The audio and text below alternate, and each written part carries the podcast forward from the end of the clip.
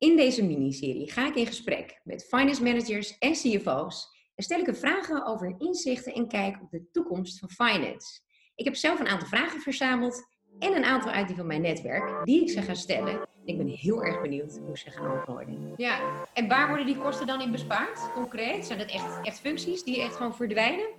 Ja, ja, echt functies die verdwijnen. Hartstikke leuk eh, om hier te zijn met jou, zo via deze manier. Wij gaan het hebben over de toekomst van finance. En uh, nou, allereerst uh, bedankt dat je mijn gast wilt zijn. Je bent mijn eerste gast voor deze mini-serie. Nou, graag gedaan, wat een eer. Ja. nou ja, we kennen elkaar natuurlijk al een aantal jaar. En ik dacht, misschien leuk om je kort even te introduceren. Maar voor degenen die kijken en voor degenen die luisteren. En ook een beeld hebben wie jij bent. Ja, vertel, Patrick. Patrick, ja, ik uh, 41 jaar. woonachtig in Utrecht. Steen op afstand van mijn werkgever. Ja. Ik ben al, al bijna, het is het, 17, 17 jaar ruim werkzaam al bij ASR. Ja. Uh, ooit gestart als, uh, uh, als stagiair. In mijn eerste echte baan na twee jaar projectervaring daar uh, gestart als controller. En via verschillende controlewerkzaamheden ehm, als teammanager bij Leven Individuele bedrijf ehm, werkzaam geweest een aantal jaren. Dus wat verschillende finance functies gehad. En nu ben ik een ruim een jaar of anderhalf eigenlijk inmiddels alweer finance manager van stafafdelingen eigenlijk binnen ASR. Ja, je hebt meerdere functies gedaan. Hè? Je, je, hebt, uh, uh, je hebt ook een RC-opleiding gedaan. Um, wat was de reden dat je echt richting controle bent, uh, bent gestapt? Nou, ik vond het, ik, ik, vond het eigenlijk wel leuk om met, met cijfers bezig te zijn. Ik vond het wel mm-hmm. leuk om vanuit feiten en cijfers te kijken naar hoe gaat het nou eigenlijk met een, met een bedrijf. En toch ook eigenlijk het, het leukste eigenlijk van het werk vind ik toch altijd samenwerken met mensen. En dat gevoel wat ik had, was dat vooral bij controle. Ik, ik kende het eigenlijk niet. Ik was toen tijdens mijn, mijn stage, werd ik door mijn mentor eigenlijk op de, het, het vak controle eigenlijk gewezen. En ja. Het was voor mij eigenlijk van, ja, wat, wat is dat nou precies? En toen, uh, um, mijn mentor die zei, het is een soort interne adviseursrol. Uh, misschien juist het combineren van feiten en cijfers met samenwerken, advies geven, een soort interne consultant. Ja. Dat sprak me wel erg aan. Je bent ook echt als business control dan aan de slag gegaan. Hè? Want er zit natuurlijk, ja. je hebt een verschil in financial en business control. Je bent ook op een gegeven moment hoofd ook van die afdeling geworden. Kan je me meenemen in die stap? Wat was dat altijd dan een, een, een doel van jou geweest? Nou, ik wil een keer een team ook gaan aansturen. Uh, nee, eigenlijk niet. Nee. nee ik was eigenlijk wel uh, echt betrokken altijd met de inhoud, bij de inhoud. Uh, bij, bij verandertrajecten. En op een gegeven moment groei je gewoon wat in je rol ook. En, en in je senioriteit en kennis. Ja. Word je steeds meer voor dingen gevraagd. en ik had op een gegeven moment ook wel weer ook wel de behoefte om gewoon meer impact te hebben. Ja. En uh, dat, dat sprak mij wel aan en die kans die ik toen kreeg. Nee, Oké, okay, leuk. Ja, ik geloof dat dat wel heel erg in het organische uh, ontstaan van, uh, van situaties en dit soort kansen. Dus ik, ik denk dat het dan ook wel natuurlijk past als dat zo op je pad komt. En um, als je kijkt hè, naar, weet je, zit nu in een andere positie. Je zit echt dicht tegen eigenlijk alle staffuncties aan. Dus jij helpt hen ook echt met nou ja, toekomstgerichte strategische plannen te schrijven. Kan je me daar een beetje in meenemen? Ja, wat, wat, wat dat een andere type rol is van wat je voorheen, uh, waar je voorheen zat?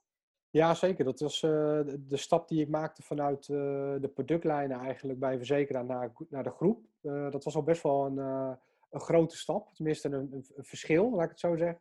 Ja. Bij de, in de productlijnen was je toch bezig samen met een, een, een decentraal of een lokaal managementteam om een specifiek businessplan daar te verwezenlijken. Ja. En op groep, groep kijk je heel beschouwend. Hè? Dus je kijkt veel meer analyserend op hoog niveau, met beleid bezig, uh, schrijft stukken voor de Raad van Bestuur, Raad van Commissarissen, ondersteunt bij analistenpresentaties. Dus dat is een hele andere manier van, van schrijven, werken, analyseren. Dat was ontzettend leerzaam. Um, maar wat ik na een aantal jaren wel, wel leuk vond, was ook om weer wat concreter bezig te zijn met, uh, met, met, met plannen.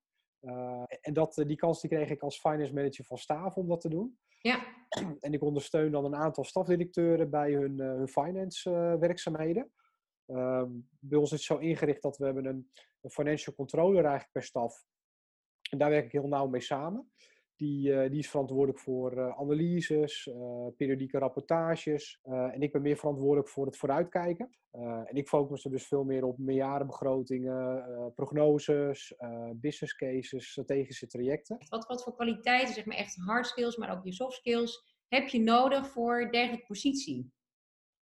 Um, nou, ik denk in ieder geval dat het goed is dat je, dat je kan luisteren. Uh, goed je oor te luisteren leggen bij, eh, bij waar behoefte aan is, wat er speelt in de organisatie. Ik, hoorde van de week een mooie van, uh, van een van de directeuren waar ik mee samenwerk, die, uh, die nogal fan van Kofi is. En die gaf aan begrijpen voordat je begrepen wordt.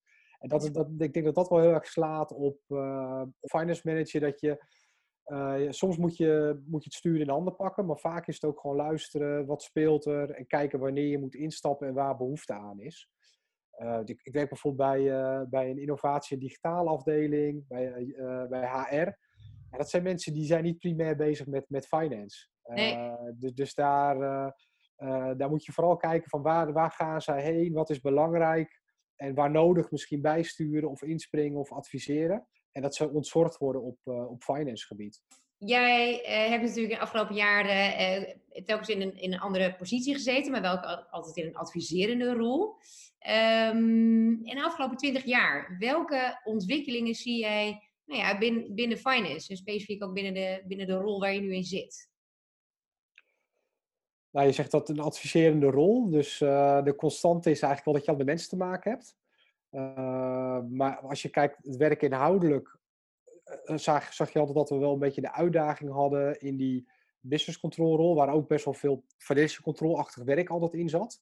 Ja. Dat je gewoon wel tijd kwijt was elke maand om je periodieke rapportages te maken, om je cijfers juist te krijgen. Er ging heel veel tijd in en dan was de, de veelgehoorde kritiek was altijd van, we hebben te weinig tijd voor advies. Uh, onze adviesrollen komen we eigenlijk niet aan toe. Aan de ene kant heb je mensen die heel erg gedetailleerd zijn, uh, nauwkeurig, die heel goed in grote Excels uh, en met cijfers, analyses daarmee uit de voeten kunnen. en je hebt mensen die heel erg sterk zijn in het communicatieve. en dat het niet per definitie, dat heel veel mensen dat samen, dat dat samen gaat bij veel mensen. En dat je eh, bij ons hebben we daar een inrichting voor gekozen om die dingen ook wat meer uit elkaar te trekken. Financial control aan de ene kant, performance management aan de andere kant. Maar wat je ook wel ziet is dat de technologie ook wel helpt. En dat we door automatisering, digitalisering ook gewoon minder tijd kwijt hoeven te zijn met, uh, met, met die, die werkzaamheden om gewoon betrouwbare rapportages te krijgen. en, wat, dus... en wat is die digitalisering dan? Want dat is, dat is overigens een vraag die ik ook heel veel heb gekregen dus een stukje automatisering, digitalisering. Ik hoor vaak in organisaties dat dat, dat, dat een steeds groter onderwerp wordt. Maar in de praktijk blijkt dat dan nog niet altijd echt ingebed. Uh, dus ik ben heel erg benieuwd. Uh, hoe, hoe ziet het er bij jullie uit? Nee, wat je in de automatiseringsvlak ook wel ziet, dat we gewoon wat aan systeemvereenvoudigingen ook wel hebben gedaan. je ziet, we hebben alle grootboek, uh, architectuurstuk is allemaal in één pakket gebracht. Dus dat maakt het eigenlijk wat makkelijker om daar um, bijvoorbeeld ook rapportages uit te halen, data uit te halen. En omdat je ook minder van systeem naar systeem gaat, je ook gewoon minder de kans op verschillen. Dingen die je eerst allemaal in Excel maakte, heb je nu eigenlijk veel meer mogelijkheden om dat uit een systeem te halen. En ook gewoon, ja, uh, toeltjes om, om mooie uh, rapportages en analyses te maken. Wat voor een impact heeft dit dan gehad op, op, nou ja, op finance, zeg maar? Echt op de financial control positie, maar ook de business control positie? nou, in ieder geval dat je wel minder tijd kwijt hoeft te zijn eigenlijk met, met, met, met betrouwbare cijfers opleveren. Dus op het moment dat je dat je, je cijfers goed hebt staan, weet wat daar eigenlijk wat daar gebeurt, dan kun je een stapje zetten naar managementinformatie. En de stap die je dan vervolgens eigenlijk wil maken, het Walhalla, het puntje van de piramide, is dan de, de advisering. Dus dat je op basis van die inzichten ook kunt zien van oké, als ik dit nu weet en dit, dit, deze trend zie, wat, wat adviseer ik dan die bestuurder om te doen vanuit finance oogpunt? Uh, welke stappen moet je zetten? Uh, en, en dat zie je wel dat dat ver, vergemakkelijkt. Dus dat je eigenlijk sneller en, en makkelijker die, die juiste analyses en informatie kan hebben om die adviesrol te spelen. Wat je ook wel, wel ziet is dat het natuurlijk ook wel gewoon gebruikt wordt om gewoon kosten te besparen in de finance functie. dat, dat er ook bij, bij veel bedrijven, net als bij ons, ook wel uitdagingen zijn op het vlak van van, van omzet, van winst.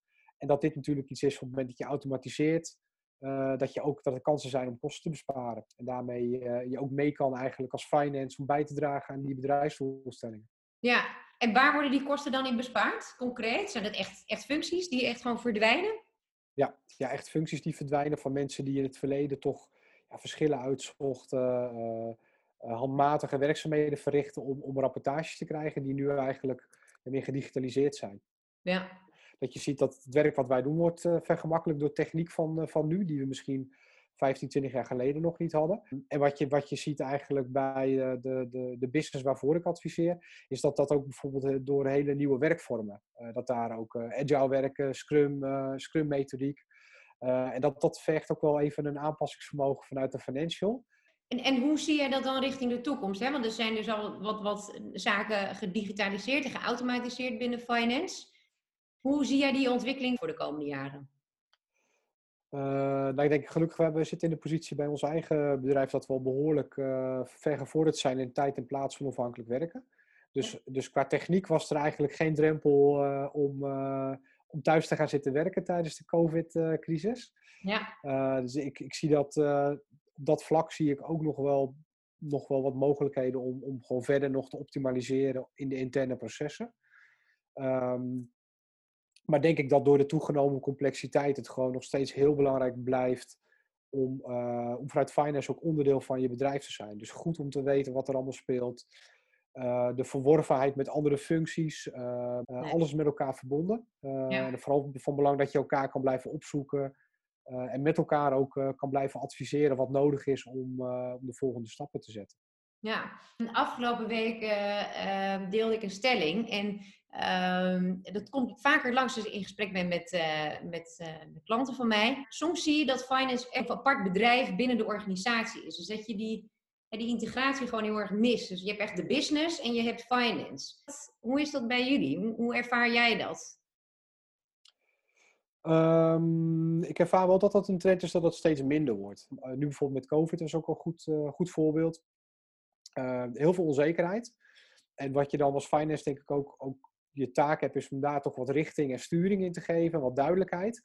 Ja. Dus wat we, wat we met, met die COVID-crisis hebben gedaan, is heel snel eigenlijk ook samen met de business opgetrokken en gekeken van wat zijn nou mogelijke scenario's die je ziet. Um, um, het CPB had bijvoorbeeld ook een aantal scenario's uitgewerkt van hoe het met, met de crisis zou kunnen gaan. Die scenario's hebben we ook ter hand genomen. En met de verschillende productlijnen en bedrijfsonderdelen gekeken van als nou een bepaald scenario zich, uh, uh, zich zal uh, ontplooien, wat betekent dat voor je bedrijfsvoering? Welke mogelijkheden zie je? Ja. we kunnen dus iets, een, een methodiek neerleggen waarin ook op, op te kunnen tellen eigenlijk wat we ophalen bij alle verschillende onderdelen. En dat ook neerleggen bij het bestuur van ja, dit is wat we hebben opgehaald met de bedrijfsonderdelen. En veel meer eigenlijk denk ik ook proactief uh, je collega's en de business opzoeken. Ja, klopt. Wat je ziet is gewoon, en sowieso die digitalisering en die automatiseringsslagen die gemaakt worden, zeker het afgelopen jaar. En ik ben ook gewoon heel erg benieuwd. Um, ja, sommige posities gaan vervangen worden, of die zijn al vervangen.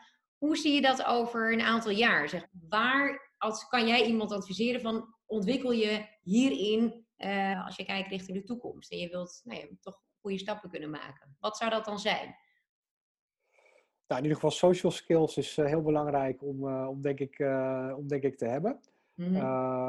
maar wat ook, ook heel belangrijk is, is dat je volgens mij wel zicht hebt op, op IT, op processen. Ja. Nu zie je dat het proces grotendeels ook wel gedigitaliseerd wordt. Um, en, en dus bepaalde werkzaamheden verdwijnen en dan komen weer nieuwe werkzaamheden voor in de plaats. Ja. mensen die een bepaald uh, overview hebben van hoe zou je bijvoorbeeld processen efficiënter kunnen doen. Of ook echt inhoud, kennen eigenlijk van waarom je nou echt een proces doet. Dus wat is nou het doel van een een bepaalde facturatiestroom of een boekingsgang. Um, en, en daar een beetje um, wat verder kunnen kijken dan het schakeltje in de keten wat zij vroeger zelf waren. Ja. En het, het, grotere belang uh, wat meer zien. Ja. Dus er zullen denk ik wat, uh, wat andere functies komen. In plaats van iemand die dus echt een, een schakeltje uitvoert. Meer mensen die het, het geheel overzien. Daar efficiëntie en effectiviteit in proberen te krijgen. Ja. Um, en, en, ook en, en omdat... IT, zoals jij zegt. Hè? Dus echt wel ook, ja. toch ook wel beter die systemen uh, daarmee willen en kunnen werken. Um, Denk je dat het alleen maar een groter onderdeel wordt van een finance functie? Ja, ja, ja, zeker weten. Ja, ik denk dat dat wel heel belangrijk is, omdat je de techniek maakt het gewoon makkelijker om eenvoudige handelingen uh, te automatiseren. Ja. En wat dan overblijft is gewoon wat meer, wat, meer inzicht in het hele proces en wat meer overview in waarom doe je dat nou precies. Ja. Dus toch wel een ander soort rol die daar, daarbij komt kijken. En ik heb natuurlijk nu ook wat vragen gekregen vanuit, uh, vanuit mijn netwerk. Ik was gewoon heel erg benieuwd. Hè? Ik ben zelf geen financial van origine, maar ik help natuurlijk wel mensen aan, uh, aan een baan uh, binnen, binnen finance. Maar ik vond het leuk om te kijken hoe mijn netwerk daarnaar kijkt en wat, wat er leeft. En een van die vragen was ook, wat zie je als grootste bedreiging voor de finance afdeling binnen, nou, binnen een organisatie? Als grootste bedreiging? Ja. Um, er blijft natuurlijk gewoon finance. Er blijven gewoon kosten, omzetten, cijfers nodig om, uh, om te toetsen eigenlijk hoe, hoe gaan we een bepaalde kant op? Of wat is de norm die we hadden en hoe bewegen we in de werkelijkheid uh, ten opzichte van die norm? Ja. Dus ik, ik denk dat dat, dat in, in, ja, in principe niet zal verdwijnen. Um, en daar zie ik dan ook altijd wel weer met alle bewegingen en, en, en ontwikkelingen die er zijn, zie ik ook altijd wel weer kansen om als finance daar uh, een belangrijke rol voor het bedrijf te blijven spelen. Ja, nee, ik denk ook als ik het je zo goed hoor zeggen, eh, wat terugkerend is, is meer je, de ability, zeg maar, de, de ability om je te kunnen ontwikkelen en je ook aan te kunnen passen. Hè? In, in, in, nou ja, In, eh, in veranderingen ook. En ik denk ook in het afgelopen jaar dat iedereen uh, daar redelijk in heeft kunnen oefenen. Dus, ja, ik denk dat je dat goed zegt, dat je, dat je ook als finance ook niet al te rigide moet zijn. Je bent, toch, je bent toch ondersteunend. over het algemeen is finance niet de afdeling waar het geld verdiend wordt. Ehm, eh, je, kunt, je kunt er wel geld verdienen, alleen het is niet primair volgens mij waar je je bedrijf op, uh, op bouwt. Uh, En bij finance kan wel heel goed ondersteunen bij die diensten, maar zal zich wel moeten kunnen aanpassen eigenlijk aan wat daar dan ook gebeurt. Ja. En het aanpassingsvermogen is denk ik een, een hele belangrijke. Ja, mooi.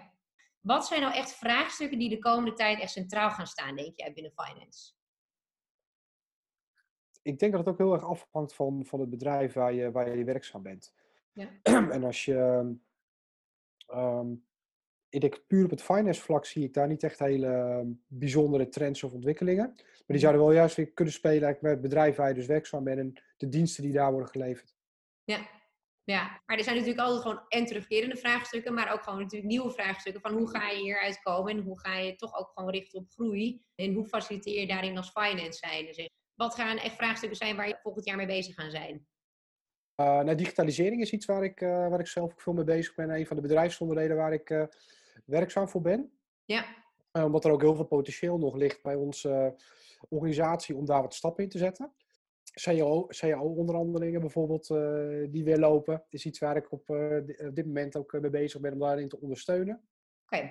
En wat we bedrijfsbreed ook eigenlijk continu natuurlijk doen, is up-to-date houden van je strategie.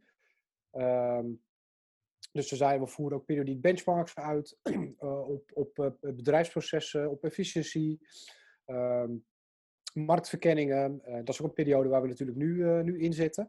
Ja. ja. scenario's worden nog belangrijker. En op finance vlak hebben we binnen de verzekeringsbranche te maken met de nieuwe wetgevingsstandaard die eraan komt. Ja. IFRS 17, IFRS 9. waar je eigenlijk bij traditionele eh, eh, verslaglegging, noem ik het maar even, IFRS 4, uh, toch minder marktwaarde of geen marktwaarde eigenlijk in je verplichting uh, had zitten. En je nu veel meer naar marktwaardebasis uh, toe gaat. Een hele andere manier van sturen van je bedrijf. dus dat zorgt eigenlijk binnen, binnen finance voor, voor verzekeraars wel echt een behoorlijke shift. Ook hoe je dus organiseert, hoe je processen uitvoert en wat voor mensen je daarvoor nodig hebt om het resultaat te duiden.